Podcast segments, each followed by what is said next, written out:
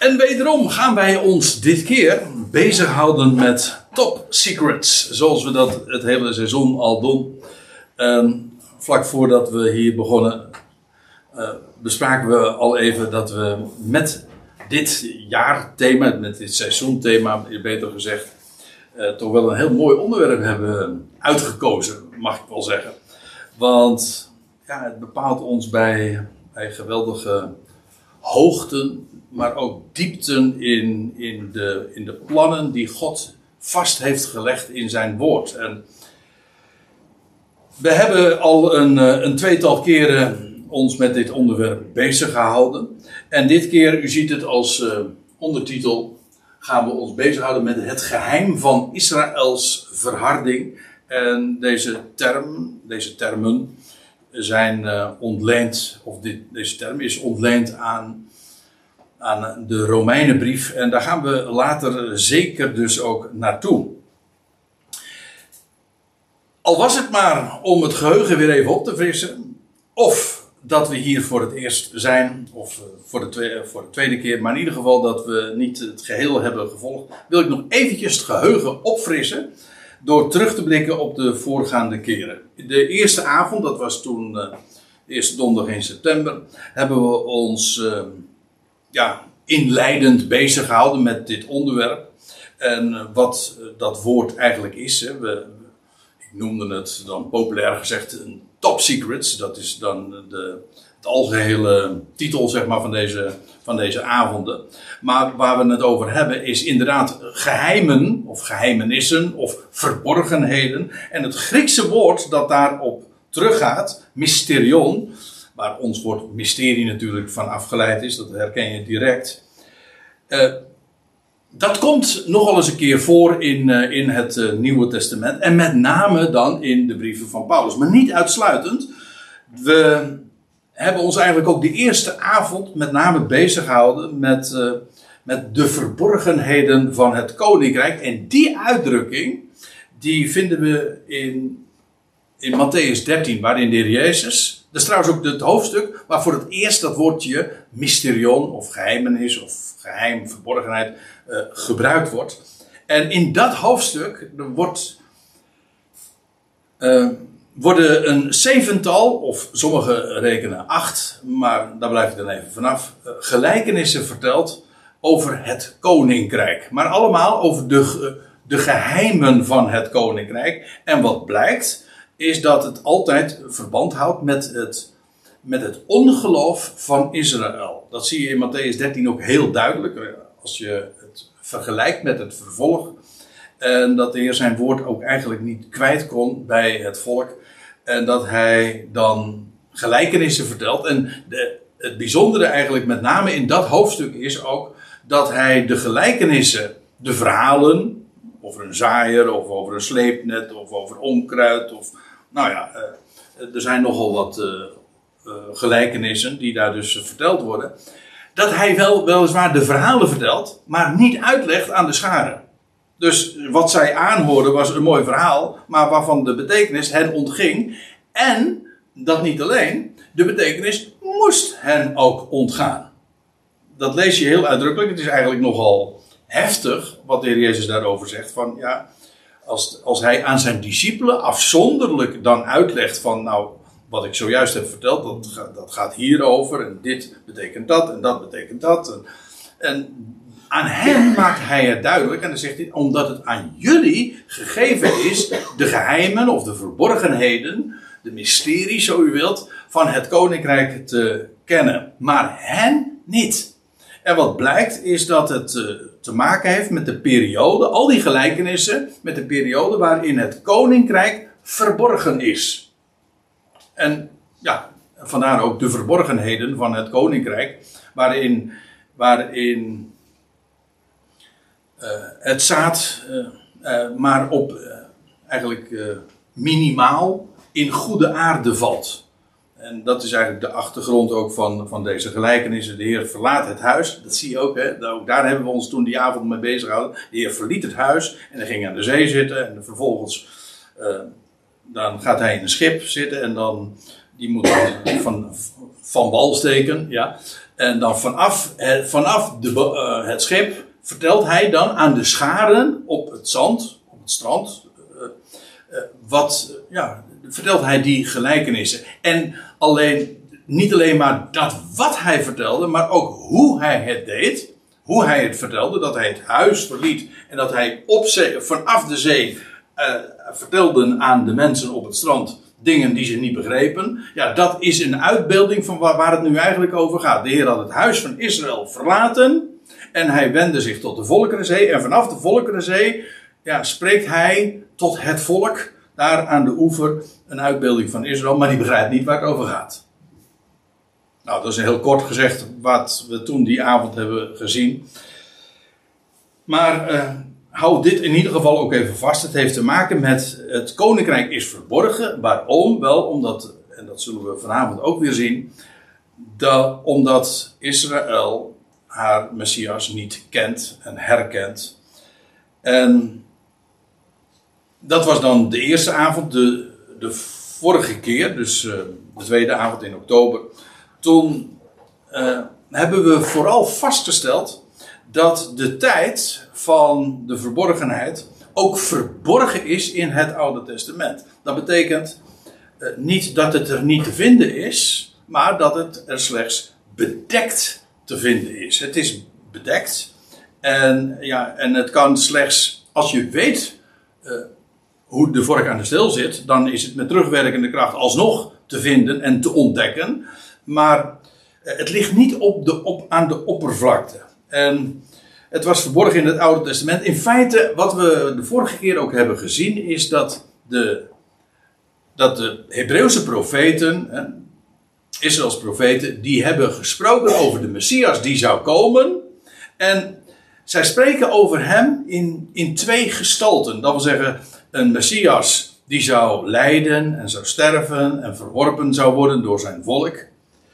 Maar ook, en dat is met name het, het deel wat het Joodse volk verwachtte, namelijk een Messias die zou komen om te heersen in Jeruzalem en die het huis, het koningshuis van David, de dynastie van David weer zou herstellen en vanuit Jeruzalem uh, over Israël, maar ook, sterker nog, over de hele volkerenwereld zou regeren. Dat is ook de Messiasverwachting, tot op de dag van vandaag, van Israël, van het Joodse volk. En de grote vraag is dan, uh, hoe die twee gegevens, aan de ene kant dus een Messias die lijdt en sterft en verworpen wordt door zijn volk, en aan de andere kant een Messias die in heerlijkheid regeert, uh, vanuit Jeruzalem over Israël en de volkeren, hoe die twee zich tot elkaar verhouden.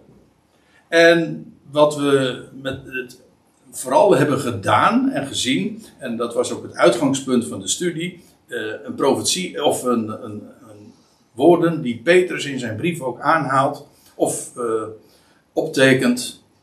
Dat hij zegt dat de profeten uh, hebben nagezocht en gespeurd op hoedanige tijd de geest van Christus in hen doelde uh, toen hij vooraf uh, getuigenis gaf van al het lijden dat over de Christus komen zou en de heerlijkheden daarna. Nou, dan heb ik het vrij letterlijk geciteerd. Maar waar het dan op gaat is, die profeten zelf, die hebben dingen opgetekend en zij zagen zelf ook de, de puzzelstukjes en ze hebben ge, ge, gecheckt, ge, nagevorst hoe die, uh, die gegevens in elkaar passen. Ze, met andere woorden, dat was niet duidelijk, dat was verborgen voor hen. En dus de profeten, dat is wel een heel aparte ja, vaststelling. Dat de profeten dus hebben geprofiteerd. Dat is wel waarom ze profeten heten. Dat wil zeggen, ze hebben voorzegd. Ja, maar dat was Gods geest die hen daartoe aanzette. En daarbij is het zelfs zo wonderlijk dat zij dus dingen hebben vermeld en opgetekend die hen, waarvan de betekenis hen zelf dus ontging. En vandaar ook dat ze hun eigen profeten, hun eigen boeken, hun eigen boekrollen, zo je wilt, hebben nagezocht en gespeurd van hoe zit dit nu? Dus zij wisten dat ook niet.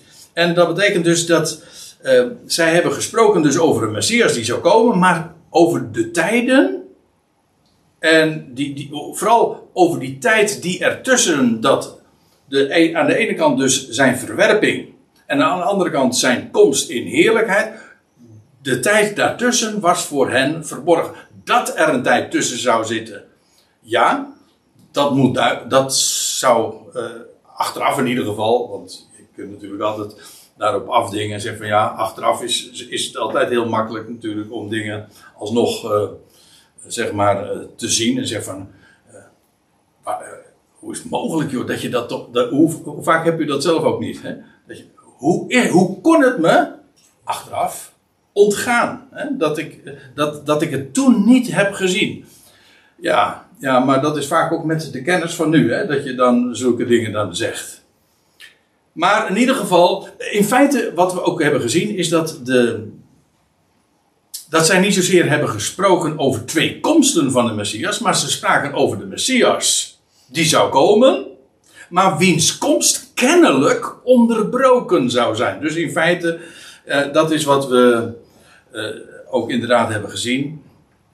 Uh, het, is, het idee is dus niet zozeer van dat er twee komsten van de Messias zijn, maar de, de profeten spraken van de Messias die zou komen. En als hij is gekomen, dan zijn feitelijk daarmee ook de laatste dagen aangebroken.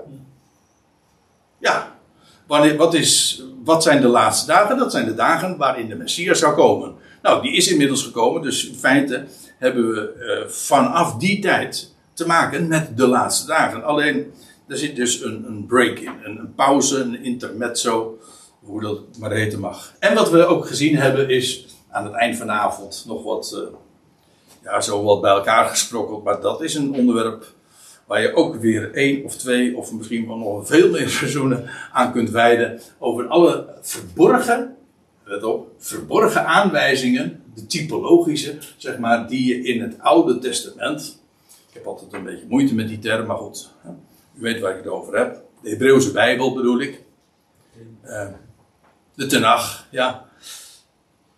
Nou, in ieder geval, uh, al die verhalen, de geschiedenissen, maar ook rituelen. En we hebben het gehad over Jozef, die verworpen werd door zijn broers en, en die dan een tijd zoeken is en uiteindelijk zich dan toch bekend maakt aan zijn broeders. Uh, en nou ja, dat is Jozef, maar ach, uh, hetzelfde verhaal kun je vertellen over een Mozes, over een David.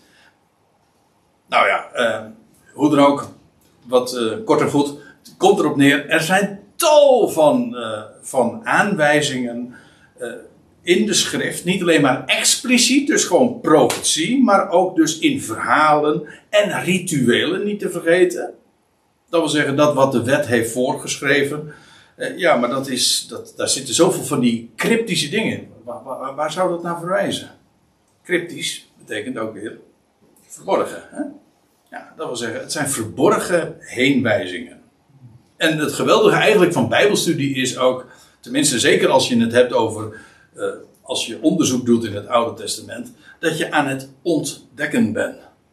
En dat bedoel ik letterlijk. Dat wil zeggen, je neemt de bedekking weg, of de bedekking wordt weggenomen, en dan ontdek je dat wat onder de oppervlakte ligt.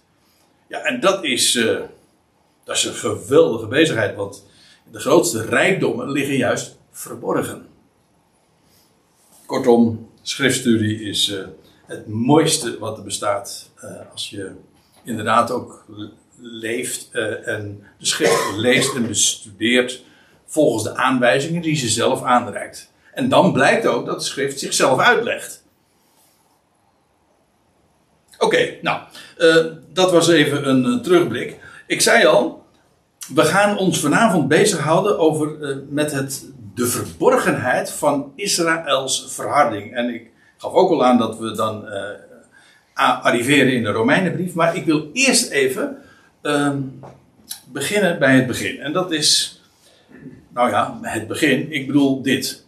Toen de Jezus was gestorven, opgestaan uit de doden en inmiddels ook ten hemel was gevaren daarin en vanuit Jeruzalem, was de boodschap aan het volk Israël, de twaalf, dat is ook niet voor niks natuurlijk. De twaalf hebben een boodschap eerst en vooral aan het volk Israël.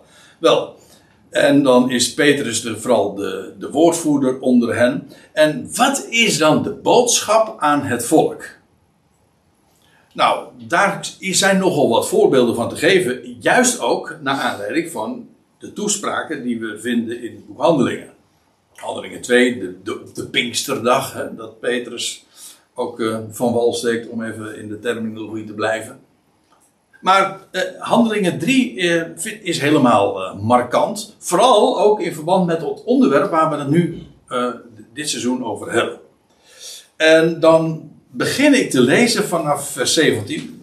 Het enige wat ik er nog eventjes over wil zeggen, over het voorafgaande. Daar was een verlamde man, die vanaf de moederschoot al verlamd was. En die lag daar aan de poort, de schone poort van Jeruzalem. En dan komen Petrus en Johannes op het uur van het gebed, komen dan langs. En dan ja, kijkt die man hen zo aan. En in, in de verwachting dat hij wat van hen zou ontvangen. En dan zegt Petrus van ja, zilver en goud, dat hebben we niet. Maar wat ik heb, of wat wij hebben, dat geven je in de naam van Jezus Christus. Sta op! En die man die, staat, die heeft zijn hele leven nog nooit gelopen. En hij springt op en hij danst zo de tempel binnen. Even kort uh, samengevat. Ja, dat vind ik uh, een geweldig wonder. En dan lees je dat, ja, die man die heeft natuurlijk niet zijn mond gehouden, dat begrijp je wel. En, en dat er in no time een hele mensenmenigte daar, daar, zich verzamelt. En dat was voor Petrus natuurlijk de gelegenheid om, wellicht ook omdat hij ter verantwoording geroepen werd, van wat gebeurt hier? Nou, die kon toen tekst en uitleg geven. En wat blijkt, is dat die geschiedenis, dat zegt hij ook, van ja, dit is nou deze man overkomen. Maar feitelijk, die man dient ook als een, als een, een voorbeeld, als een model voor wat Israël zou overkomen.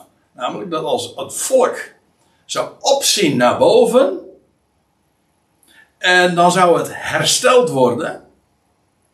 En ook nieuw leven ontvangen. En feitelijk, dat, dat wat die met die man gebeurde, dat zou ook met Israël gaan gebeuren. Nou, uh, dan zegt Petrus dit. Nadat hij trouwens ook nog heeft gezegd van, uh, ja, wat uh, een, nog maar enkele weken, of hooguit maanden tevoren, was gebeurd. Het was in ieder geval datzelfde jaar nog, dat Petrus dat dat de Heer Jezus was verworpen door, door het volk, of beter door hun overste. En dan zegt hij dit in vers 17. En nu, broeders, ik, ik, hij spreekt zijn volksgenoten aan, zijn broeders naar het vlees. En nu, broeders, ik weet dat jullie uit onkunde hebben gehandeld, zoals ook jullie oversten. De leidslieden, uh, jullie wisten niet eigenlijk uh, wat jullie deden. Dat had de Heer Jezus trouwens aan het kruis ook gezegd. Zij weten, niet, zij weten niet wat ze doen. En, maar dan voegt hij er dit aan toe. Maar zo heeft God in vervulling doen gaan wat hij bij monden van alle profeten tevoren geboodschapt had. Dat zijn Christus, zijn Mashiach, zijn gezalfde, moest lijden.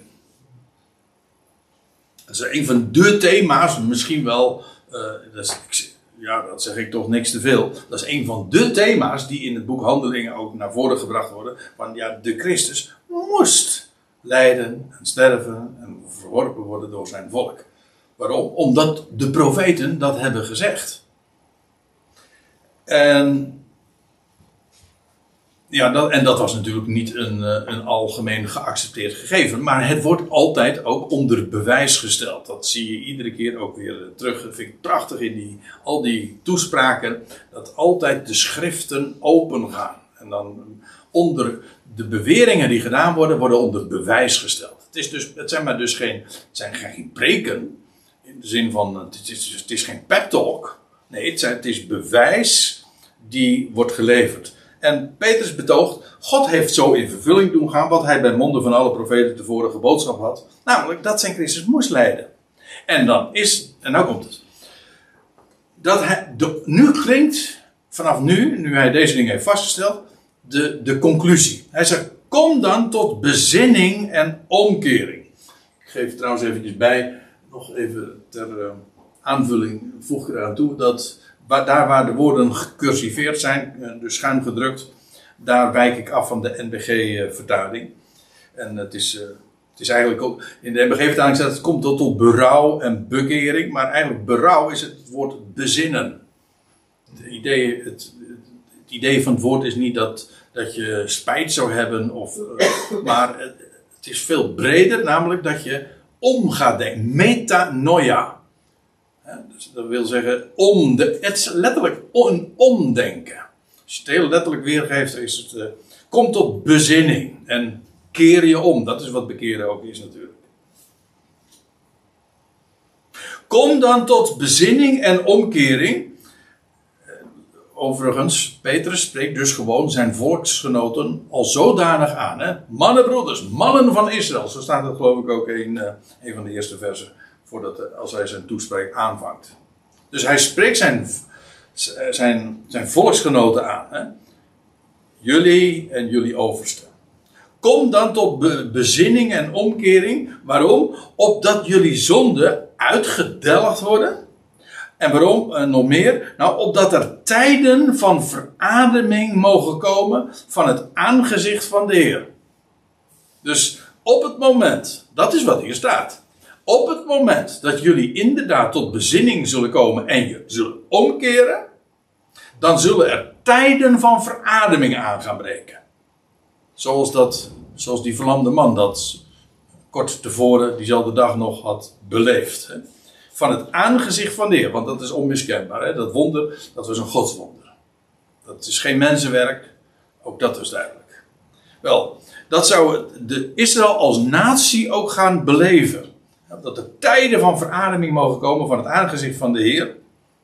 Ja, wat, wat als voorwaarde wordt gesteld, of in ieder geval wat vooraf zou moeten gebeuren, of voordat die vrije tijden van verademing komen, wel bezinning en bekering. En dan wordt er nog iets aan toegevoegd. Nou, eigenlijk, het, het is niet zozeer plus, plus, plus, maar het, het hangt allemaal met elkaar samen. Namelijk, de zonden worden uitgedelgd. Uh, er komen tijden van verademing van Gods wegen. En bovendien, en God zal dan ook de Christus, de Messias, Israëls eigen Messias, die ze dat enkele maanden tevoren nog aan het kruis hadden geslagen of hadden overgeleverd om dat te laten gebeuren. Die Messias en dat hij, God, de Christus, die voor jullie tevoren bestemd was, namelijk Jezus, zou afvaardigen, zou zenden. Waarbij dus inderdaad gezegd is dat als Israël zich zou omkeren, eh, dan zou, wat wij dan noemen, dan zou Christus wederkomen. Want immers, hij was in de hemel, inmiddels, maar hij zou dan teruggezonden worden van Gods wegen. En, en wie die Messias is, wordt hier meteen, zijn identiteit wordt hier onthuld. Hè? Nou ja, dat was sowieso al duidelijk, maar dat is Jezus, Yeshua. Jaweh is redder. God zou hem dan zenden en afvaardigen. En dan staat, uh, Petrus voegt er nog aan, aan, toe. Hem moest de hemel opnemen. Ook dat moest. Ook dat is in overeenstemming met de profetie. Daar hebben we de vorige keer trouwens nog over gehad. Over uh, Psalm 110. Hè, dat God tot, tot, zijn, tot de Messias zegt van... Zet u aan mijn rechterhand. Totdat. Ja, totdat ik uw vijanden zal stellen tot de voetbank voor uw voeten. En dan zal hij heersen vanuit Jeruzalem, uit, vanuit Sion. Dus als er staat moest, dan zit daar ook de gedachte achter van het moet wel. Waarom? Omdat het zo staat beschreven. God heeft gezegd, en er staat geschreven en vandaar ook, het moet zo gebeuren. Zoals de Heer Jezus dat tegen die Emmaus-gangers ook had gezegd, van... Uh, die helemaal vertwijfeld waren juist op die derde dag. En ze van, oh, onverstandige en dwaze van hart dat jullie niet geloven alles wat de profeten hebben gesproken. Moest de Christus dit niet leiden? Om al zo, via die route, zijn heerlijkheid in te gaan. Hem moest de hemel opnemen. Zo. Ik zei al, in een woelige tijd, maar. Uh, Maar hier is het rustig. Ja. Zolang de muren blijven staan. Hè. Hem moest de hemel opnemen, maar dat was totdat. Zoals dat ook in de Psalm 110 staat van... Uh, zet u aan mijn rechterhand, totdat ik uw voeten, of uw vijanden zal stellen tot een voetbank voor uw voeten. Dus ja, het is heel duidelijk allemaal ook uh, ja, getimed. En hier, uh, er wordt hier in dit, dit verband wordt, worden geen jaartal of zo, of tijden genoemd, of, maar wordt wel gezegd van eerst dat, hij moest lijden en sterven, hij moest ook in de hemel worden opgenomen, maar als op het moment dat Israël zich zal omkeren, wel dan zal hij, die nu nog in de hemel is, aan Gods rechterhand, zal worden gezonden naar de aarde. En dan zullen tijden van herstel, van uh, de, de, ja, hem moest de hemel opnemen. Er staat erbij tot de tijden van het herstel of de wederoprichting van alle dingen. Waarvan God gesproken heeft bij monden van zijn heilige profeten. Vanaf al. Dus alles wat, waarvan de profeten hebben gesproken, dat zou worden hersteld, weder opgericht, opnieuw weer op de kaart worden gezet. Ik moet er altijd aan denken dat ik het zo, uh, als, dat, als dat hier zo staat, uh, dat wij in feite nu ook, zeg maar, in de aanloop daarvan leven. En nu wordt ook, het meest karakteristieke van de afgelopen eeuw, bijbels bezien, is wel dat alles waarvan de profeten hebben gesproken, Noem, noem de, de plaatsen maar op. Noem de landen maar op. Ze zijn allemaal weer terug. Ze zijn allemaal na duizenden jaren weg geweest te zijn. Zijn ze allemaal weer op het bord neergezet. Er is een, zelfs de Filistijnen heb je weer. En dagelijks lezen we daarover in de krant. De, de Gaza-strook en, en, en Jeruzalem en de Joodse staat en in Syrië en in Egypte. Al die landen, ze zijn allemaal weer terug van weg geweest. Alles waarvan de profeten hebben gesproken, wordt weer hersteld. Neer op de kaart gezet. Nou ja, eh, hier gaat het vooral denk ik over het herstel van alles. Namelijk ook het, eh, het, het herstel in ieder geval ook van de vervallen hut van David. Weet je wel, die, die, de dynastie van David wordt weer hersteld na 2500 jaar zal er weer een troon zijn in Jeruzalem. En van daaruit zal geregeerd worden. En alles waarvan God heeft gesproken bij monden van zijn profeten, zal dan worden vervuld. Kijk, waarom ik het aanhaal, of dit gedeelte aanhaal, is omdat hier zo duidelijk door Petrus wordt verkondigd dat als Israël, als natie, dus met name ook hun representanten, de, de overste, de leiding, de regering van het volk. Als zij tot bekering komen, dan zal de Christus terugkeren. Dat wordt hier. Dat was in feite de boodschap in die dagen. In feite is daar ook niks aan veranderd. Want uh, ja, wanneer zal Christus weer verschijnen uh, aan zijn volk? Wel, op het moment dat zij hem zullen aanroepen. Dus het principe is ongewijzigd.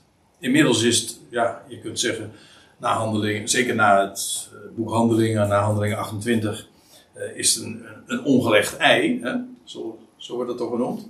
Iets uh, wat had kunnen gebeuren, maar wat niet heeft plaatsgevonden. Maar dat is iets wat, heb je het weer, dat is iets wat wij nu weten. Maar wat Petrus in zijn dagen in ieder geval nog niet wist. In ieder geval een paar maanden eerder, toen waren ze nog, vlak voordat de Heer Jezus inderdaad ontrokken werd aan het oog, toen hebben ze nog aan hun Heer gevraagd, aan de Messias gevraagd van, uh, herstelt u in deze dagen het koninkrijk voor Israël? En dan krijgt hij het cryptische antwoord, het komt u niet toe te weten de tijden en gelegenheden waarover de Vader de beschikking aan zich gehouden heeft. Dus het kon wel gebeuren, en sterker nog, het gerucht onder de, de discipelen ging dat, uh, dat het wel in die dagen zou gebeuren. Iedereen van de discipelen dacht dat Johannes het in ieder geval nog in zijn leven zou meemaken. Ja, dat had de Heer weliswaar niet beloofd, maar de suggestie lag er. En het was ook optioneel waar. Is, de prediking is in het boek Handelingen, kom tot bekering. En als jullie zullen bekeren, dan zal de koning terugkeren en zijn koninkrijk zal worden geopenbaard. En dan is het koninkrijk dus niet langer verborgen, maar openbaar. Een echt, reëel concreet koninkrijk. Een echte koning, een echte troon, een echte koningsstad, eh, et cetera. En dan wordt dat allemaal vervuld. Zie je, dat is het evangelie van het koninkrijk. Dat is echt, en hoezo het evangelie? Nou, het is een blijde tijding van de koning komt. Wanneer komt hij? Als jullie, Israël, je gaan bekeren. Weet, het is de menselijke kant van het verhaal. Maar misschien later uh, vanavond uh, zullen we het daar nog wel even over hebben. Maar in ieder geval, dit is de oproep aan het volk. Dat moet duidelijk zijn. Ja, en dan uh, wil ik in, uh, eventjes in kortweg wel even aangeven hoe dat dan in het boek Handelingen is gegaan. Voor zover dat aan jullie ontgaan is. Maar in ieder geval om eventjes ook duidelijk aan te geven dat daar ook duidelijk een, een, een, een historische lijn, een rode draad door het hele boek loopt. eigenlijk, als ik het zo zeg, van Jeruzalem naar Rome, dan heb ik feitelijk geformuleerd waar het in het boek Handelingen over gaat. Dat wil zeggen, de lijn. Het begint in Jeruzalem. Dat had hier Jezus ook. Hè? Gij zult mijn getuige zijn. Te beginnen in Jeruzalem. Ja, en waar eindigt het? Het begint met de, laat ik het nog anders zeggen. Het begint met de twaalf in Jeruzalem, die een blijde tijding aan het volk prediken. En het eindigt bij een dertiende apostel in Rome, die daar gevangen zit. Waarom? Omdat het volk het evangelie niet wenste te horen. En in feite, dat is. Die lijn is een heel dramatische lijn. Gewoon als je het puur beziet vanuit het perspectief van wat, wat er in die dagen had kunnen gebeuren. En wat ook daadwerkelijk de boodschap ook was. Dus als ik even een paar mijlpalen mag, eh, neerzetten, zo, die uh, in het boek Handelingen zo zich, zich aandienen. Kijk, in die eerste zeven hoofdstukken, dan zie je dus dat uh, met name aan de stad Jeruzalem, de stad van de grote koning immers, het evangelie wordt gepredikt van de opgestane Messias. Je leest ook hoe het officieel wordt afgewezen. Eigenlijk in meerdere fases. Hè, dat, eh, dat de twaalf of Petrus en Johannes voor het Sanhedrin moeten verschijnen. Maar uiteindelijk ook bij de steniging van Stefanus, de kroon. Stefanus betekent kroon. En de, Ste de Stefanus wordt gestenigd. En dat is feitelijk, als hij gestenigd wordt, dat uh, het volk, dat wil zeggen, hun leids, de leidslieden, het, de regering van het volk, verwerpt het getuigenis van de opgestane Messias. Kijk, wat je in de Evangelie leest, is dat de Heer Jezus verworpen wordt en hij wordt gekruisigd. En Petrus uh, zegt dan later van ja, dat moest zo gebeuren. Maar nu predik ik jullie de opgewekte Messias. En sterker nog, degene die ten hemel is gevaren. En nu krijgen ze als het ware. Uh, een, ik, heb, ik heb een beetje een hekel aan die term, maar ik gebruik hem toch even bij gebrek aan weten een tweede kans. Dat wil zeggen, als jullie je nu bekeren in, dit, in, in deze dagen, uh, ja, dan zal dat koninkrijk aanbreken. En maar wat lees je dan aan, uh, in, in Handelingen 7? Dat het volk afstand neemt van, ja, van dat getuigenis. En verwerpen ze opnieuw dus de Messias. Nu niet in de kruisiging, maar nu ook door het getuigenis van de opgestane en ten hemel gevaren Messias te verwerpen. En dan, uh, en dan vind je aan het einde van het hoofdstuk al dat uh, iemand zich aan het warmlopen is, als ik het even zo mag zeggen. Dan lees je over Saulus, die geroepen wordt. Ehm, nee, wacht even, nou moet ik het goed zeggen. Saulus, weet u wel, die daar ook met instemming dan en hij bewaart de mantels van, uh, de, van al die leden van het Sanhedrin. En alleen zijn naam wordt geïntroduceerd, Saulus. En om een twee hoofdstukken later uh, prominent, uh, eigenlijk de grote rol te gaan spelen in de rest van het, hoofd, in de rest van het boek. Overigens, aankomende zondag mag ik spreken in Urk op Urk. Hè? Ontmantelen. Ja, dan ga ik het hebben over ontmantelen. Eh, over, en, in de meest letterlijke zin van het woord, namelijk dat het ontdoen van de mantel. En hoe dat fenomeen zo vaak eh, gevonden wordt in de Bijbel. En één van de geschiedenissen die zeker ook aan de orde zal komen, is waar we het nu over hebben. Namelijk dat de mantels van die raadsleden allemaal terechtkomen bij Saulus. De jasbeschermer. Ja. En hij eh, bewaakt dan die, die mantels. Nou, wat daarachter zit, eh, daar gaan we het dan over hebben. Maar goed, heb ik bij deze dat toch eventjes eh, onder de aandacht geraakt. Over ontmanteling, ja. Eh, dan wordt in handelingen eh 9, ja, dan wordt de, de 12 zijn eigenlijk in de praktijk, in het boek van eh, en in de hele geschiedslijn van handelingen, zijn de 12 dan ook uitgespeeld. Min of meer. Ehm, en dan, wie dan vervolgens de rol gaat overnemen, is die dertiende apostel, namelijk Saulus. Hij wordt in handelingen 9 geroepen. In handelingen 13 ja, wordt Saulus Paulus. Eh, dan gaat het heil ook echt officieel naar de natieën toe. Voor het eerst echt. Eerst in handelingen 10 had Petrus al de deur geopend. Maar Paulus gaat dan ook daadwerkelijk door de poort. Via Caesarea. Hè, eh, gaat hij eh, naar eh, de natieën toe. En dan, ja, ik sla er een heel veel hoofdstukken over. Dan komt uiteindelijk dan Saulus, die Paulus, in, in Rome aan. En ook daar, dan roept hij de, de mannen van de synagogen, de leidslieden bij elkaar. En dan, ook dan houdt hij het voor. En ook dan eh, wordt daar het evangelie verworpen. En dan lees je ook aan het einde van het boek, heel plechtig, dat het, zo wordt het boek Handelingen afgesloten van... eh, met een citaat uit Jezaja en dan zeggen van ja, eh, God heeft jullie ogen verblind en jullie oren toegestopt, zo, en, zodat jullie je niet meer kunnen bekeren. Ik zeg nu eventjes geparafraseerd, maar en jullie, en jullie zullen, niet, jullie zullen nu niet meer bekeerd worden en ook niet hersteld worden. Nou, dat is, en daarmee sluit het boek eigenlijk af. Dus wat in het aanvang nog zo glorieus klonk van kom tot berouw en bekering. Aan het einde lees je dan dat, dat die dertiende apostel eh, dan eh, eigenlijk verklaart daar in Rome. eh, het, gaat, het gaat niet meer gebeuren. Wat... Dat is de historie in het boek Handelingen. Nou, Israël kan zich voorlopig niet meer bekeren. Ik zeg voorlopig natuurlijk, want wij weten dat uh, die beloften van God natuurlijk uh, niet zijn komen te vervallen. Uiteraard niet. Maar uh, daar zit een hele tijdsperiode tussen.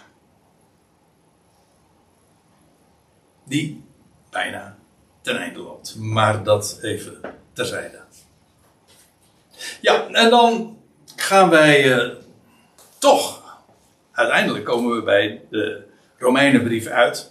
En dan ja, dan, dan, komen we in de hoofdstukken die juist over dit thema ook gaan. Namelijk over, over het ongeloof van Israël.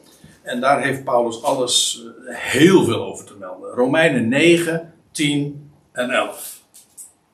Waarin hij spreekt over ja, hun verwerping. Wat trouwens dubbelzinnig is. Want, want wat betekent dat nou dat zij verworpen worden of dat zij verworpen hebben? in, zowel in het Nederlands als in het Grieks kan beide. En het is denk ik ook beide het geval. Zij hebben de Messias verworpen en God heeft hen nu ook terzijde gesteld. Maar goed, eh, over die tijd, dat, uh, dat, ja, wat gebeurt er nu? Ja, nu gaat uh, Israël is op een zijspoor gezet en nu is via de apostel Paulus het heil daadwerkelijk naar de natieën gegaan. Oké, dan lees ik in Romeinen 11, vers 19. Dat hij zich, uh, dat Paulus gewoon in, de loop van zijn betoog uh, opnieuw een vraag stelt. Dan zegt hij, maar ik vraag, heeft Israël het dan niet verstaan? Dit is trouwens weer een vervolgvraag op wat hij in het vers hiervoor had gezegd. Heeft Israël het niet gehoord? Ja, zeker. Ze hebben het wel degelijk gehoord. Maar, uh, oké, maar horen is één ding. Maar verstaan is een ander ding. En dan, uh, dan zegt Paulus dit. Voor eerst zegt Mozes, en nou citeert hij uh, uit het boek Deuteronomium. En ik zal u, of eigenlijk jullie. Ja, het is uh, meervoud. Ik zal, ik zal jullie als volk naijverig of jaloers maken op wat geen volk is en toornig op een onverstandig volk. Dus, wat, even, om even goed bij de les te blijven. Wat Paulus eh, hier zegt is, ja, in Mozes heeft reeds tevoren gezegd, dat, uh, voorzegd, pro, geprofiteerd, dat Israël jaloers, naijverig gemaakt zou worden. En ook toornig, boos. Dus het is maar niet uh, jaloezie van, oh, ik zou ook zo graag willen hebben wat jij ook hebt. Nee, ook in de zin van, dat is jaloezie, de ergste vorm van jaloezie, dat is het misgunnen dat de ander iets heeft. En zeker als er maar één, als er uh, maar, hoe zeg je dat? Ik bedoel, als je jaloers bent op iemand die de eerste plaats inneemt, ja, dan betekent dat je dat die ander dus niet gunt. Want er kan er maar één de eerste zijn. Ja? En dat geldt, ik zeg het niet voor niks, ik geef niet voor niks dit voorbeeld, want in feite gaat het hier ook over. Uh, wat in ieder geval al, al 1500 jaar hiervoor was door Mozes was gezegd, Israël zou jaloers worden op wat geen volk is en toornig op een onverstandig volk. Dat, is een beetje vreemd. Dus het is geen volk en toch is het wel een volk. Ja. Nou, ik kan u wel verklappen waar die het over heeft. Dat is de Ecclesia, dat uitroepsel in onze dagen dat uitgeroepen wordt uit de natie. Dat is in de ogen van Israël een dwaasvolk. Ze hebben geen enkel benul van de schriften. Die is hij ook niet aan hen gegeven. Ze kennen de wet niet. Dus alle voorrechten die aan Israël gegeven zijn, of meer specifiek het Joodse volk, die, heb, die hebben zij niet, die bezitten zij niet. Um, om een onverstandig uh, volk, een onintelligent volk staat er in de interlineair, zie ik. Um, die dus geen idee heeft waar het over gaat. Maar het is geen, het, wordt ook gezegd, het is geen volk. Het is, voor zover het een volk is, is het onverstandig. Maar feitelijk is het geen volk. En dat is heel sterk van toepassing inderdaad op de Ecclesia. Want is de Ecclesia dat wat God zich vandaag verzamelt hè, uit de natie. Een volk met Christus als hoofd en wij het lichaam. Hè, dat, volk. Uh, is dat een volk in de etnische zin van het woord. Nee, natuurlijk niet. Het is een, het is een verzameling uh, vanuit de volkeren. Maar we zijn geen, geen volk. Ik bedoel, je kunt spreken over het Duitse volk, het Nederlandse volk, whatever. Uh, maar in die zin is de Ecclesia geen volk. De aardigheid is dat, hoewel het in het Grieks niet zo duidelijk is, zie je dat in de Hebreeuwse tekst wel. En ik neem u meteen even mee naar waar Paulus uit citeert. Uit, hij citeerde, zoals gezegd, uit Deuteronomium.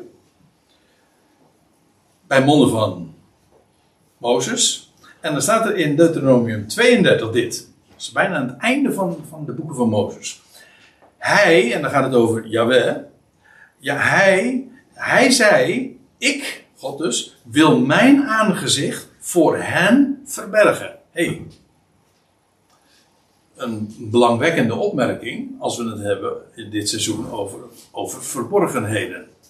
Wat doet God voor zijn volk? Hij verbergt zijn aangezicht. En wat is de clue daarvan? Wel, dat is dat zijn aangezicht dus niet gezien wordt. In feite, het, het kenmerk als, als Israël uh, eenmaal het, het vrederijk zal ingaan, dan zal Gods aangezicht over hen, hoe staat het? lichten. Hè?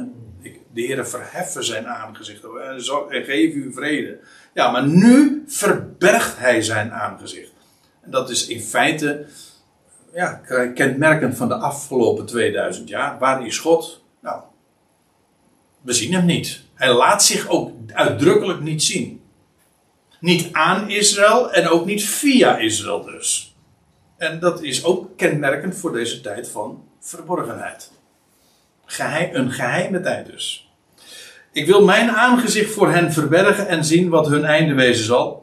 Want uh, zij zijn een verkeerd geslacht. En dan vers 21. Zij verwekte mij tot naijver. Dus de jaloezie van God.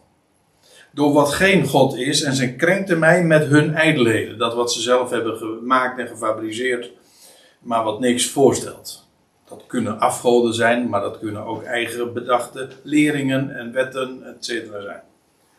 Zij krenkte mij met hun ijdelheden en maakte daarmee God feitelijk naijverig.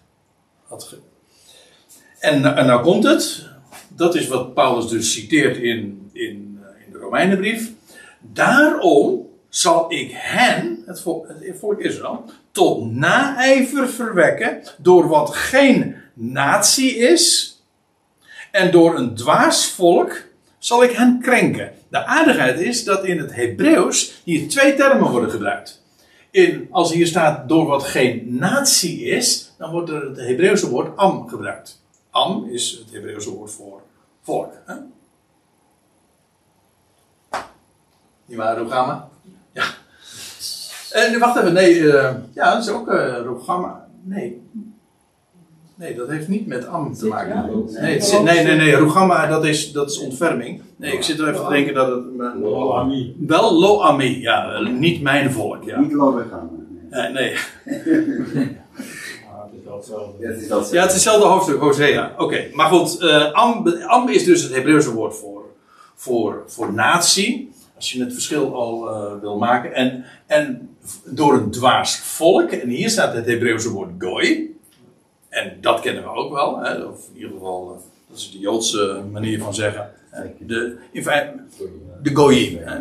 De, gewoon de natie. Ja. Het hangt er een beetje vanaf hoe je het dan vertaalt. HSV vertaalt twee keer met volk. Dat is niet zo. Uh... Nee, dat is niet zo. Uh... nee. nee, dat vind ik geen. Ik weet niet hoe de. de, de waarschijnlijk doet de Statenvertaling nog wel goed. Heb ik me. Nou goed, uh, daar blijf ik vanaf ik heb al vaker vast uh, moeten stellen dat de HSV dan zie Dan zou je denken van nou, de fouten die in de eerdere vertaling gemaakt zijn, zijn hersteld. Maar wat blijkt is dat ze allerlei goede dingen weghalen. Ja. Uh, in ieder geval, het gaat mij eventjes om, het, het zijn verschillende woorden. Zie je hier ook, uh, hier is het woordje goy en hier is het woordje am. Dat zijn de twee, hoe je het dan weergeeft maakt me even niet uit, als je maar ziet dat er een verschil is. Eh, dus eh, het is geen natie in de zin, in de etnische zin van het woord. Dat is de Ecclesia niet. Maar we zijn niettemin wel een volk. Maar dan in een, een, een, een supranationaal volk, zeg maar. Een verheven. Hè? Een verheven. Ja, een heel verheven volk, ja. maar en, en wat, wat dus al bij monden van Mozes wordt gezegd, is dat God Israël tot naijver zou wekken vanwege hun ongeloof. En, en dan een, een volk zou. Een, eh, volk zou nemen, zou kiezen en hen voor zou stellen dat in hun ogen dwaas is. En in ieder geval ook niet, geen natie in de gebruikelijke zin van het woord. Ja, maar juist daar zouden ze jaloers op worden ook de kift hebben, toornig, hen krenken. Nou, en wat Paulus in feite in de Romeinenbrief met name dan ook laat zien, is dat de bedoeling van de prediking van het evangelie in feite is om Israël jaloers te maken. En dan uh, lees ik dan nog even vers 20 ook uh, erbij. En Jezaja, Paulus gaat dan, hij doet niet anders dan, uh, dan ja, allerlei schriftplaatsen citeren de, uit de Tenach. Eerst Mozes en nu Jezaja. En Jezaja die waagde te zeggen, hij zei, ik, ik, God, ben gevonden door wie mij niet zochten. En ik ben openbaar geworden aan wie naar mij niet vroegen. En dat is ook uh, de gift, hè? de jaloezie. Dat God zich zich verbergt, notabene, voor een volk. Uh, dat zo ijverig is. Hè? Dat, uh, hoe lees je dat? Dat, dat ijver, maar zonder verstand. Dat is trouwens Romeinen 10. En ehm, die zo bezig zijn hun eigen gerechtigheid op te bouwen en om rechtvaardig voor God te zijn. En, en God zet het gewoon aan de kant. En hij zegt, en ik, maar ik ben gevonden naar degene die helemaal geen interesse in mij hadden, die mij niet zochten. En die ook niet naar mij vroegen. En juist aan hen heb ik mij bekendgemaakt. En dat is de, ja, dat, dat is de jaloezie die het bij het volk van Israël oproept. Op, ja, opriep, oproept. Uh, het hele idee dat er een volk is dat een, een plaats krijgt die zij meende te hebben en claimde te hebben, ja, dat roept je naijver op. Als jij denkt uniek te zijn, de eerste te zijn, en dan krijgt een andere volk die plaats, dat roept ja, ja dat is de naijver. In feite is dit ook de beschrijving van wat je in het hele boek Handelingen leest. Als Paulus, eh, of in hele boeken Handelingen, maar eh, als Paulus dan ergens komt, en dan is het iedere keer zo dat nou ja, begint al in Handelingen 13. Als hij dan in Antiochië is en dat de, de, de, de synagogen en de Joden daar verschrikkelijk boos worden omdat Paulus zich wendde tot de, tot de natie. En dan zetten ze zelfs ook nog de natie tegen hen op. In ieder geval de kift.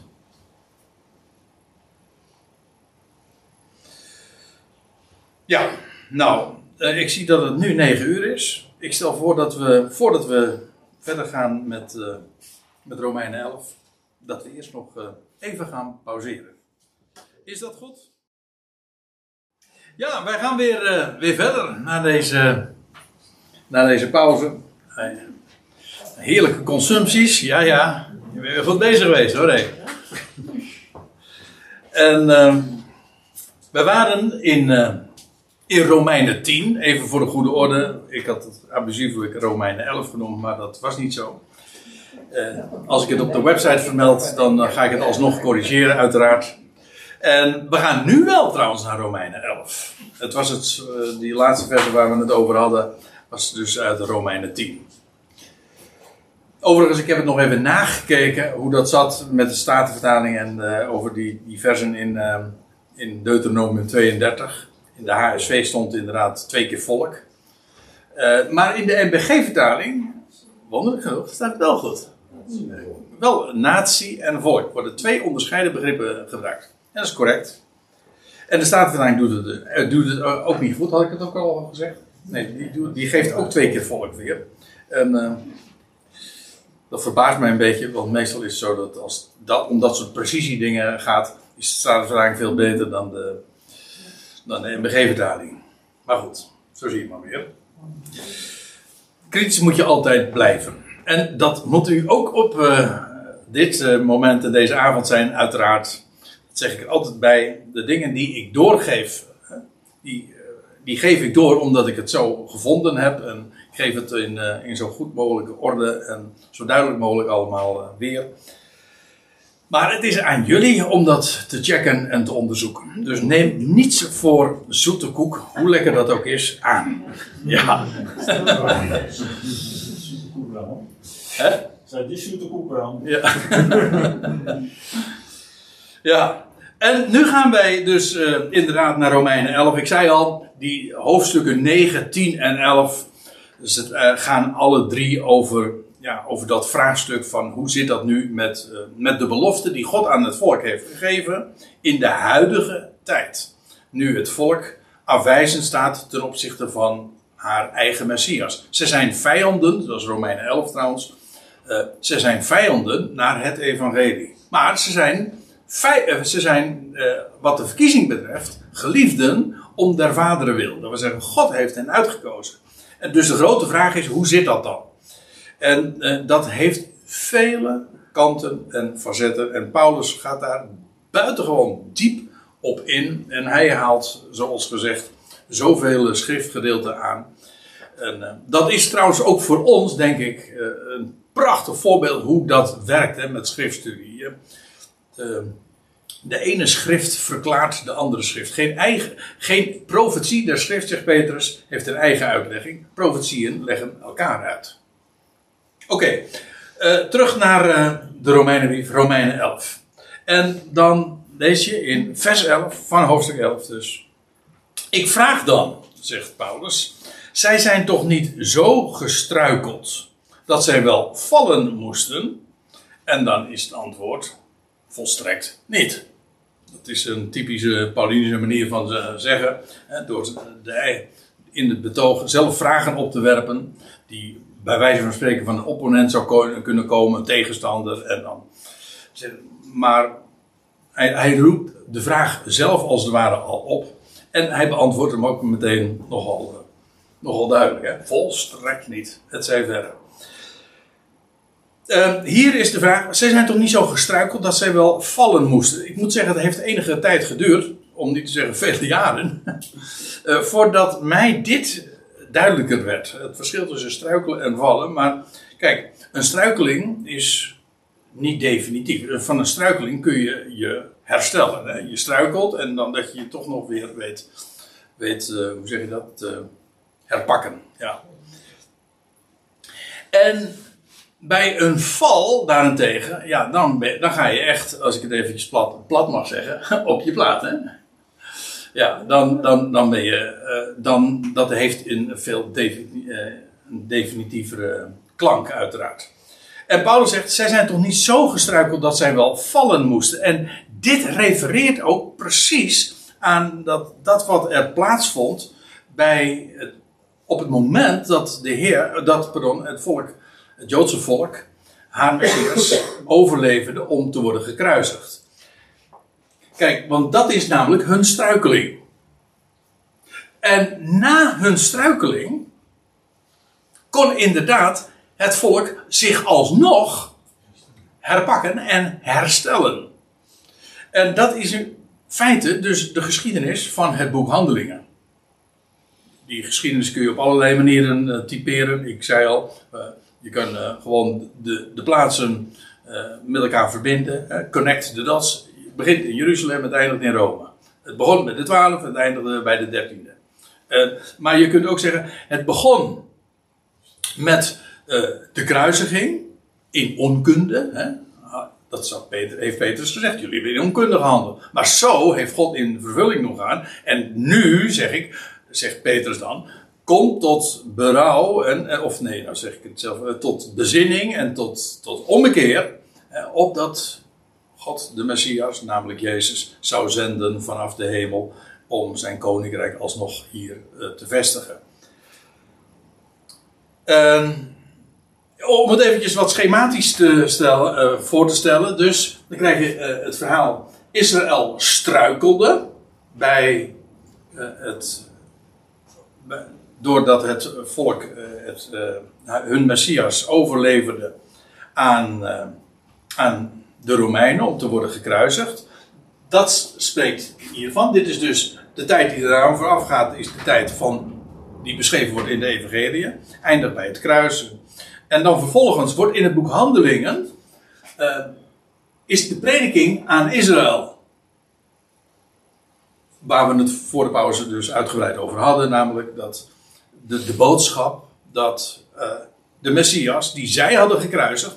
Door van Gods wegen is opgewekt uit de doden. En die Messias zou men alsnog erkennen. En als, als ze dat zouden doen, dan zou er een nieuw leven komen, een tijden van verademing. En alles waarvan de profeten gesproken hebben, zou worden hersteld. Dat was de prediking aan Israël en de prediking ook van de twaalf. Dat duurt eigenlijk voort in de praktijk tot handelingen 7, want dan vind je dus die, die, die knak, die definitieve knak min of meer, dat, de, dat het Stefanus door het Sanhedrin wordt uh, gestenigd.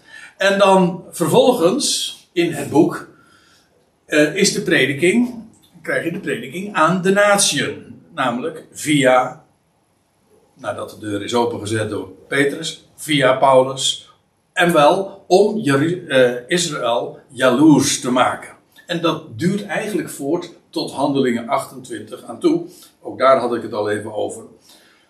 Namelijk, en dan gaat eigenlijk eh, de deur dicht. De schone poort is dan gesloten. Om zo te zeggen. En ja, dan is eigenlijk, eh, dat is Israëls val. Hier is Israëls struikeling, maar daarvan kon het worden hersteld. Naar de mens gesproken, hè? want het feit dat het niet gebeurd is, is ook, was wel degelijk ook Gods plan weer. Dat maakt het soms heel erg eh, complex. Eh, ik bedoel complex in de zin van dat wij mensen dat eigenlijk niet die twee kunnen pakken. Hè? Aan de ene kant, dat God zegt van, eh, dat is trouwens, dat is Romeinen 9. Dat hij bijvoorbeeld tegen, bij monden van Mozes tegen Farao zegt, laat mijn volk gaan. Maar tegen Mozes had God al gezegd, dat gaat niet gebeuren. En als die dreigt te bezwijken onder de druk, dan ga ik zijn hart verraden. Want het heeft namelijk een bedoeling. Zodat, ja, aan de ene kant, zelfs als dingen daar gebeuren die niet Gods wil waren en die wel opgedragen waren, dan nog vervult God zijn plan. En dan zegt Paulus, ja, maar wie heeft dan zijn raad weerstaan? Het antwoord is niemand. Niemand heeft ooit Gods raad, Gods plan weerstaan. Alles verloopt naar, zijn, naar de raad, zegt Efeze 1 vers 11, naar de raad van zijn wil. Alles. En hij geeft alles een plek. Ook de verwerping van de Messias. Hoezeer het ook tegen Gods wil was, het is volledig in overeenstemming naar Gods raad. Trouwens, dat had Petrus ook al gezegd op de Pinksterdag. Uh, jullie hebben hem gekruisigd, maar het is naar de bepaalde raad van, en voorkennis van God. Hij wist het niet alleen van tevoren, het moest ook zo gebeuren. En dan is het voor ons dan het probleem van ja, maar wij kunnen die, die, die lijnen zeg maar niet bij elkaar krijgen. Nou, dat is dan ons probleem. Ja. Maar de schrift legt het gewoon, geeft het ons zo weer. En de aardigheid hiervan is dat het niet moeilijk is om de ene lijn te volgen. Dat wil zeggen, de, bijvoorbeeld de verantwoordelijkheid van het volk om zich uh, om te horen en te, uh, zich om te keren. Dat is heel eenvoudig. En het is ook niet moeilijk om die andere lijn te volgen. Alleen wat wel moeilijk is om die twee lijnen samen te zien. Dat is net als met een munt. Het is niet moeilijk om de ene kant te zien. Het is ook niet moeilijk om de andere kant te zien. Maar het is onmogelijk. Ja, tenzij een spiegel en aan. Maar het is onmogelijk om die beide kanten tegelijk te zien. Dat kan niet. Dat lukt je niet. Je ziet of de ene kant of de andere kant, maar nooit beide kanten tegelijk. En dat is met dit ook. Uh, je kan wel de kant van de menselijke verantwoordelijkheid zien. En ook de kant van Gods raad. Maar die combineren, dat is uh, te hoog gegrepen voor de mensen. Ja, ja. Met dat probleem moeten we, of met, die, uh, met dat onbegrip en die onkunde van ons, onzerzijds, uh, moeten we leren leven. Ik moet zeggen, ik heb er niet zoveel problemen mee hoor, maar ik vind het wel belangrijk om beide kanten te zien trouwens. Oké, het ging me dus eventjes over Israëls struikeling en Israëls val. En daartussen zit eigenlijk de geschiedenis dus van het boek Handelingen. En uh, Israëls val heeft uiteindelijk ook met de val van Jeruzalem te maken. Dat 40, precies 40 jaar na de, de dood, opstanding en hemelvaart van de Heer viel de stad en de tempel. En uh, ja, dat was uh, Israëls val. En ook de val van de stad. Ja, ik, uh, ik, deed ook nog even stoplichtjes uh, erbij of er een verkeerslicht, maar dat was ook met opzet, die had ik nog niet toegelicht. Hier ging eigenlijk, hier stond het licht op grond. Dat wil zeggen, Israël zou zich bekeren. Dan vervolgens, als Paulus naar de natieën gaat, dat is in feite een, uh, een hoe zeg je dat? Last call. Een, nee, een. Hè? Ja, het heeft een speciale naam toch? Een make-up call? Oh, nee, niet een wake-up call. Nou ja. Een laatste waarschuwing, zeg maar. dan, staat het, dan staat het licht op oranje. Ja. Dat, dan, En in feite heeft dat. Kijk, in feite was het zo toen eh, het Sanhedrin, daar in Jeruzalem, Stefanus stenigde, had Israël officieel de boodschap van de opgestaande Messias verworpen. Ja, en, maar dan roept God een dertiende apostel, die gaat naar de natieën toe. En die gaat het volk dan onder de natieën. Uh, ik bedoel, uh, die gaat Israël, terwijl hij predikt onder de natie, jaloers maken. Dat is hun. Dat, hij gaat daar vertellen dat God. Dat is eigenlijk wat hij zegt.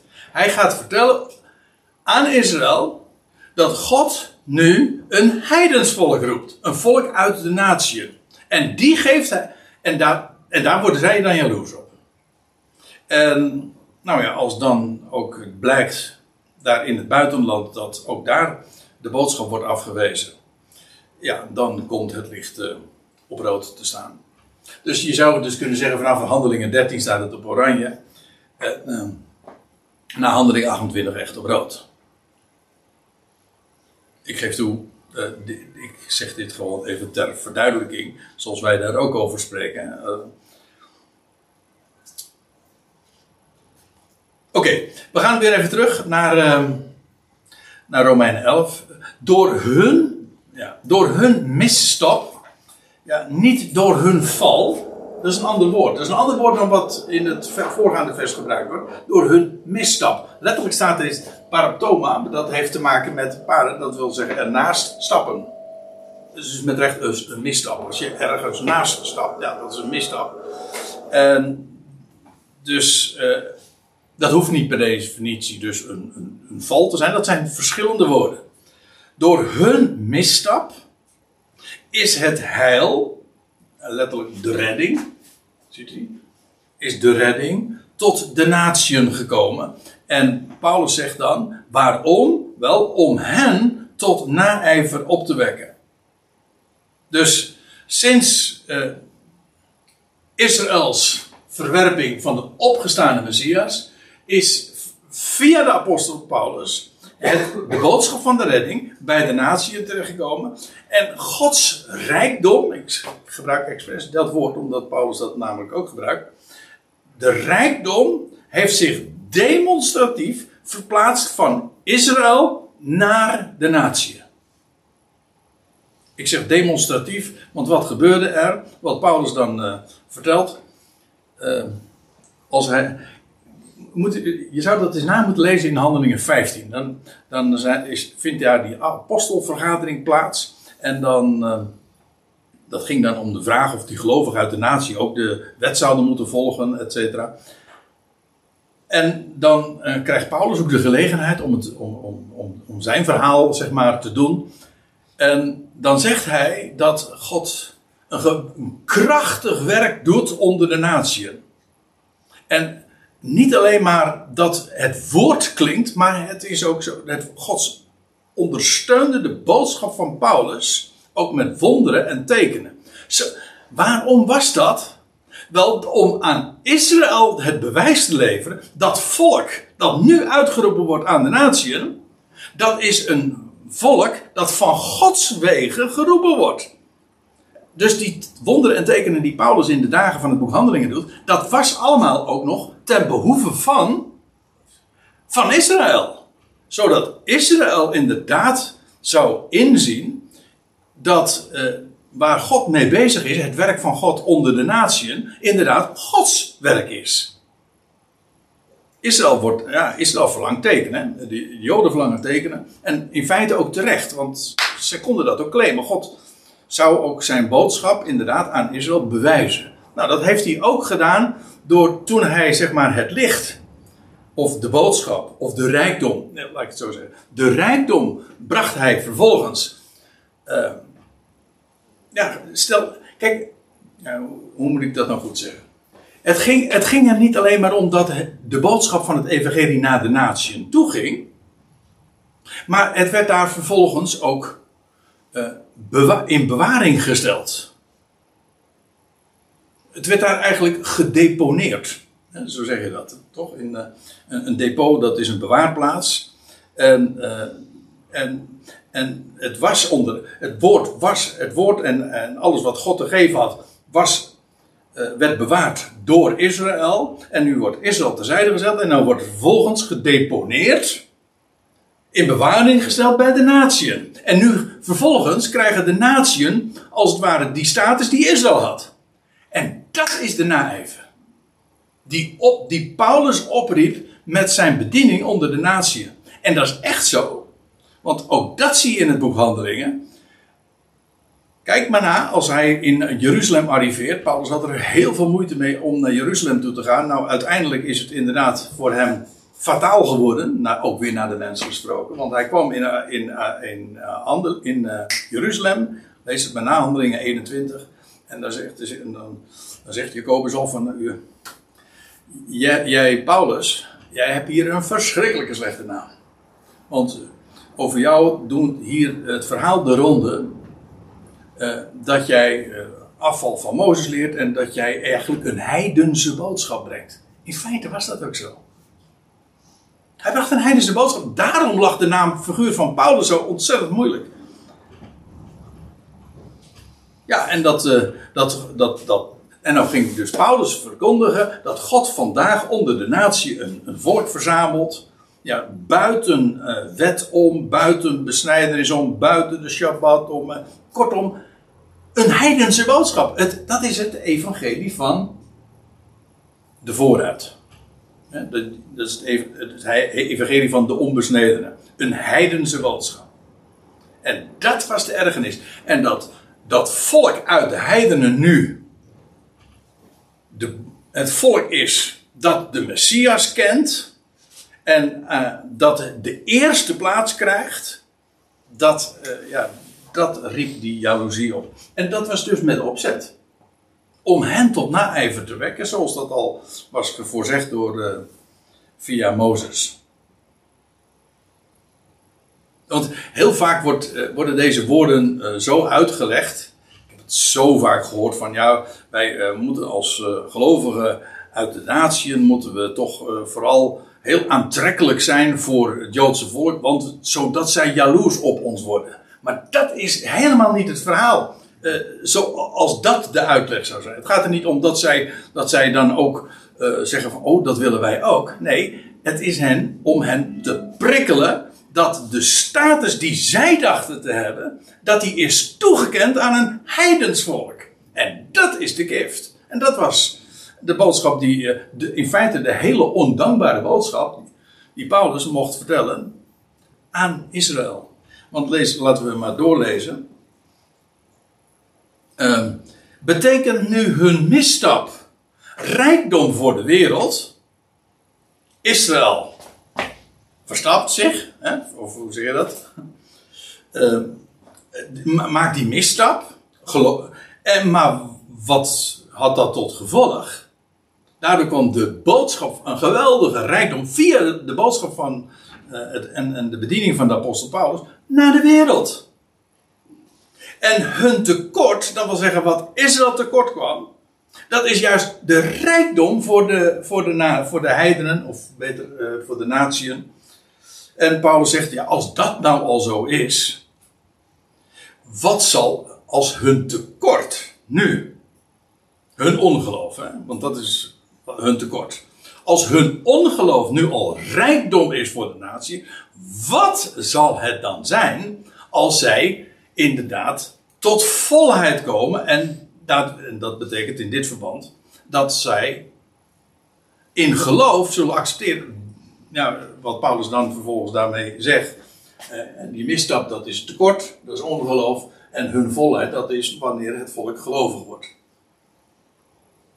En dan zegt Paulus nog dit bij. Hij zegt, ik spreek tot jullie, natieën. Juist omdat ik apostel van de natieën ben, acht ik dit de heerlijkheid. De, in feite is dat de climax van mijn bediening. Dat ik zo mogelijk de naijver van mijn volk en bloed mocht opwekken. Nou, dat is hem wel gelukt. Hè? Wat zei ik dan? Volk. Oh, sorry. De naijver, de jaloezie dus van mijn vlees en bloed, dus van mijn, van mijn eigen eh, broeders naar het vlees, eh, mocht opwekken. En enigen uit hen behouden. Namelijk zij die eh, daardoor daadwerkelijk tot inkeer komen en zich realiseren waar het werkelijk om gaat. En die zijn er ook altijd. Paulus zegt, ik ben er zelf dus een van. Hier is jaloers zijn dus wel positief. Hè? Hier is jaloers zijn dus wel positief. Weet ik niet. Ehm, dat hangt er vanaf of je en eh, hier verklarend opvat.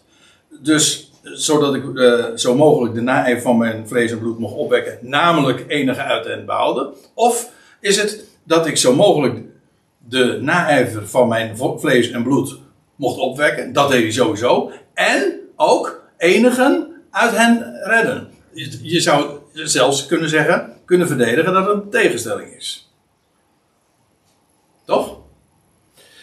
Eh, hoe dan ook, wat hij sowieso deed met zijn bediening onder de natie, eh, wekte hij hen tot naijver. Positief, negatief. Kijk, eh, want om even, je had het eh, inderdaad toch eventjes nog aan te, aan te sluiten bij wat jij zojuist zei. In feite, op het moment dat een Jood wel tot geloof komt, dan wordt de naijver, die jaloezie, eh, eigenlijk omgezet in geloof. Namelijk tot inkeer van dat het waar is wat, ja, wat Paulus dus verkondigde daaronder de natie.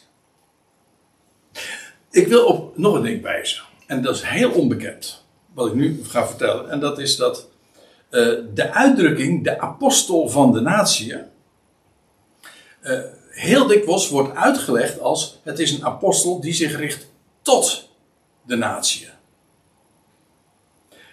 Op zich is er niks onwaars aan. Maar de, de uitdrukking blijkt, juist hier in dit vers, want Paulus spreekt wel vaker over die, eh, gebruikt die uitdrukking wel vaker. De apostel van de natie. Een paar keer maar trouwens. Eh, de apostel van de natie betekent niet dat hij, dat hij zich richt tot de natie, maar dat hij behoort, behoort tot de natie. Hij is namelijk een Romein. En hij is, dat, dat verdedigt hij, eh, dat komt in zijn verdediging heel vaak naar voren, hè, dat hij, hij is een Romein. en hij, hij, was, eh, hij was niet eh, geroepen in het land, maar buiten het land. Hij was ook afkomstig uit de heidense wereld. Hij was ook, hij had het Romeinse burgerrecht. Hij behoorde tot de natieën. En wat hij zegt, wat de, zijn, de heerlijkheid van zijn bediening eh, bestond nu juist daaruit, zegt hij, dat ik de naijver van mijn vlees en bloed zou opwekken. Met andere woorden, juist omdat ik apostel van de natieën ben, spreek ik tot hen. Ik ben dus eigenlijk. eh, God heeft eh, de boodschap toevertrouwd nu en gebracht bij de natieën. En namens de natieën spreek ik het woord tot Israël. Dus het is waar, hij, is een, hij, is, hij is, heeft een boodschap voor de natieën. Maar hier is de gedachte, juist, hij behoort tot de natieën. En al zodanig, vanuit de natieën, spreekt hij het woord tot Israël. En dat is eigenlijk ook een van de lijnen in het boek Handelingen. Namelijk dat eh, de, de, God roept een heidens volk. Juist om daardoor Israël jaloers te maken.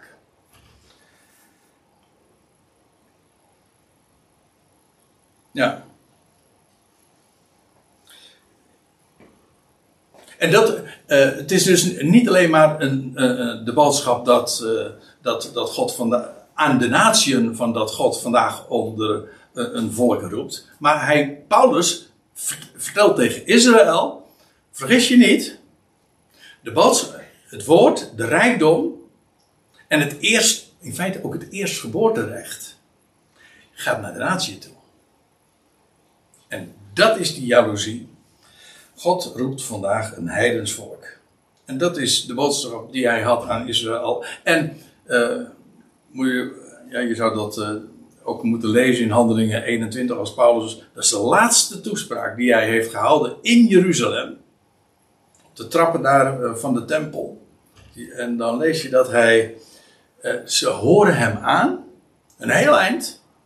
Totdat hij zegt, daar, ik zou maar zeggen in het hol van de leeuw, uh, dat, uh, dat, dat, dat God hem uh, had, had laten weten van, uh, ze zullen jouw boodschap niet aannemen. Ga weg naar de natieën. En dan lees je, en tot dan toe hadden ze hem aangehoord en toen werd er barstte echt de bom. En toen zei ze: Deze man die moet van de aarde worden, worden. Hoe staat het er? Worden weggenomen in ieder geval. En uh, de Romeinen, leuk hè? De Romeinen moesten tussen beiden komen om Paulus te beschermen tegen zijn volksgenoten. En ook dan zegt hij trouwens tegen, tegen zo'n Romeins homo: Ja, ik ben, ik ben ook een Romein. Sterker nog, ik heb het via mijn geboorte, via ik heb het al als mijn, mijn geboorterecht heb ik het verkregen. Ja. En dan nog vers 15. Want, ja, dat zijn prachtige woorden. Want indien hun verwerping de verzoening der wereld is. Dat is de boodschap. Nu gaat Israël, heeft de Messias verworpen. God heeft het voor terzijde gesteld. Ja, maar en wat is nu de boodschap? aan de, wat is de rijkdom die nu bij de natieën neergelegd is? De verzoening der wereld. En weet je wat Paulus dan ook zegt? Uh, dat als dat de natieën, als ze, uh, ook zij zullen worden weggebroken als zij niet bij het geloof blijven. Nou, moet je je voorstellen. Welk woord is nou bij de natieën terechtgekomen? De verzoening der wereld. Is dat, uh, is dat de boodschap die daar vanuit de natieën is uitgedragen? En wordt die gehoord? Nee. De, daaruit blijkt trouwens ook weer dat uh, ook dit, deze dagen, zullen worden beëindigd. En Paulus waarschuwde stond het daar al voor. Hoe dan ook, hun verwerping is de verzoening der wereld, maar wat zal hun aanneming anders wezen dan leven uit de doden? Als we verzoening voor in de wereld. Ah, wat. Goed, Kijk, ja. zit er echt in de tweede naamval. Ja. ja.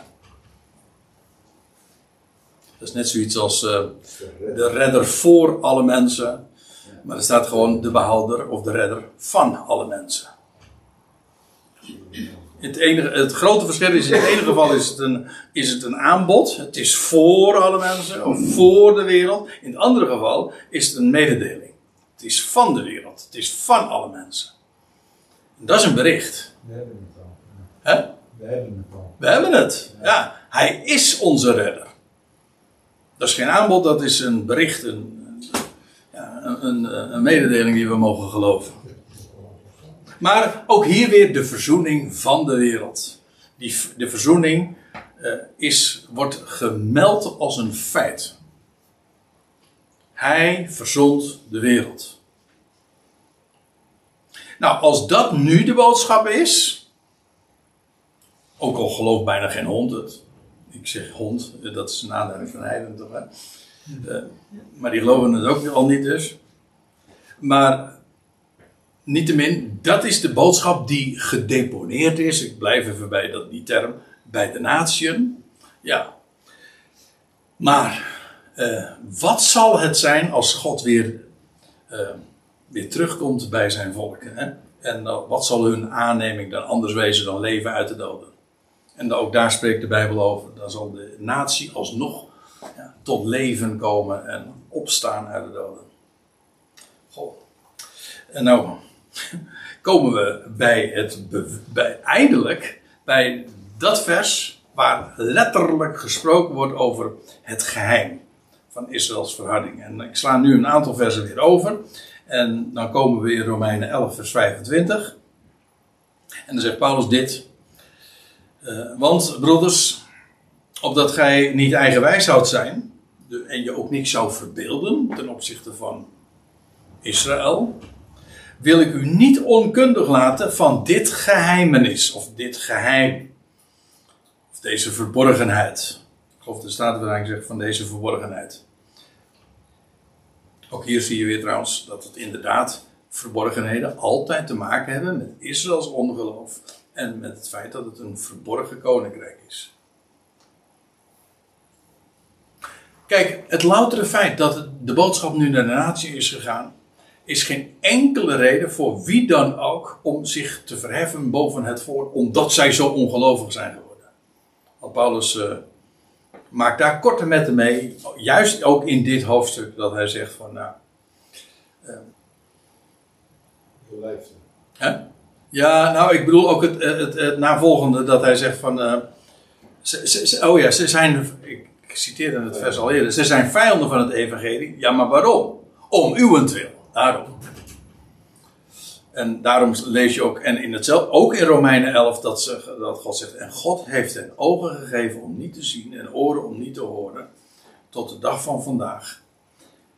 Ja, maar dat is allemaal vanwege het, de weg die God nu gaat naar de natie. Hij roept een volk uit de natie, dat was de bedoeling. Oké, wat Paulus hier zegt, ik wil jullie niet onkundig laten van dit geheim. En wat is dan het geheim? Een gedeeltelijke verharding is over Israël gekomen. Hij zegt gedeeltelijk omdat niet heel het volk verhard is, maar er zijn uitzonderingen. Er zijn altijd nog mensen uit het volk, van, uit het Joodse volk, hier specifiek, uh, die wel geloven. En hij zegt, maar ook het volk als geheel is ongelovig, is verhard.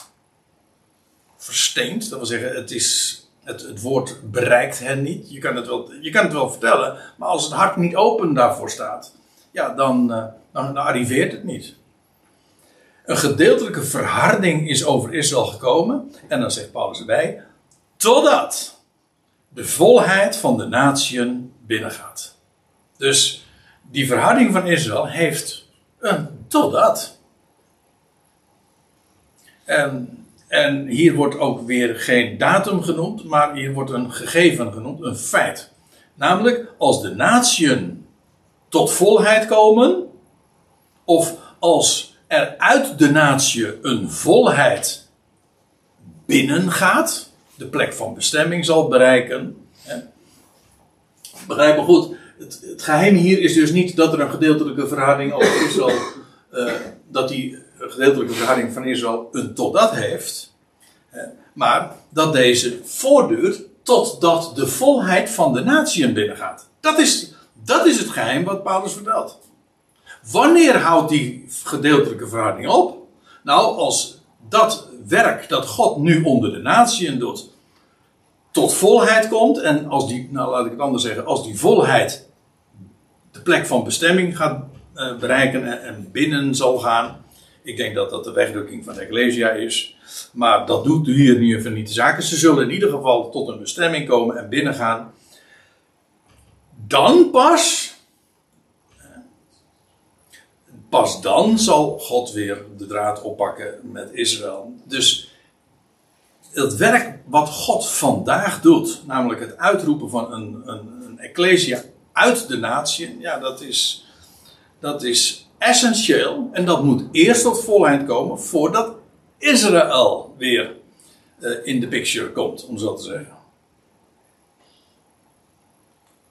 En zegt Paulus er dan bij, en al dus, niet alleen als dan, maar dan, op dat moment, maar vooral ook via die route, zal geheel Israël gered worden. Want als eenmaal de Ecclesia uh, haar bestemming heeft bereikt en zal binnengaan, ja, dan pakt God de draad weer op met Israël en zal heel het volk ook worden gered. Ik moet er ook bij zeggen dat zal een overblijfsel zijn, want velen zullen ook nog omkomen. Maar uiteindelijk, het hele volk wat nog overblijft, dat zal dan bij die gelegenheid ook worden gered gaat er hier niet om dat uiteindelijk heel de wensheid gered wordt. Het gaat erom dat dit zal gebeuren. Israël als volk, als geheel, zal worden gered. Wanneer? Wel, wanneer de losser uit Sion zal komen. Heb je dat woord weer? De Goel. In het Hebreeuws staat hier. Uh, de Goel, ja. De losser. Degene die vrijkoopt. En hij zal de goddeloosheden van Jacob afwenden. Dat, uh, dat wordt geciteerd in. Uh, vanuit Jesaja 59. Ziet u, om een, want ik moet nu echt eh, het afronden, want ik zie dat het tijd is. Maar het is eh, zo elementair in, in, in heel het Nieuwe Testament, hè, dat geheim. Maar ook dat werk dat God vandaag doet, is elementair. Israëls verharding zal ophouden. Dat hun, zij zullen tot volheid komen. Maar dat zal pas gebeuren als het werk van God onder de natieën tot volheid is uh, gekomen. En niet eerder. Zodat het uh, vanuit de menselijk perspectief zou je zeggen van ja, Israël geloofde niet en het is misgegaan en daardoor is het nu, uh, maakt God deze U-bocht zeg maar en om uiteindelijk weer terug te komen bij zijn volk. Ja, maar dat was ook precies de bedoeling. Waarmee we dan toch weer via, nou ja, van de, via deze aanvliegroute kunnen vaststellen: bij God gaat er nooit iets mis. Ik vind het zo geweldig dat wij, wij die God niet zochten, wij die geen, ik bedoel van de natie? Wat hebben wij eh, aan, aan, rituelen? Wat hebben we voor God gedaan? Nee, maar God zegt: Ik ben gevonden voor wie mij niet zocht. En dat volk, dat gaat de, hoog, dat gaat de hoogste bestemming krijgen. Onvoorstelbaar. En dat is genade. En een groot geheim. En dan gaan we de volgende keer, maar dat is dan inmiddels in eh, december zo uh, God ons daartoe in de gelegenheid stelt. Daar gaan we weer over verder, want hier is nog heel veel over te vertellen.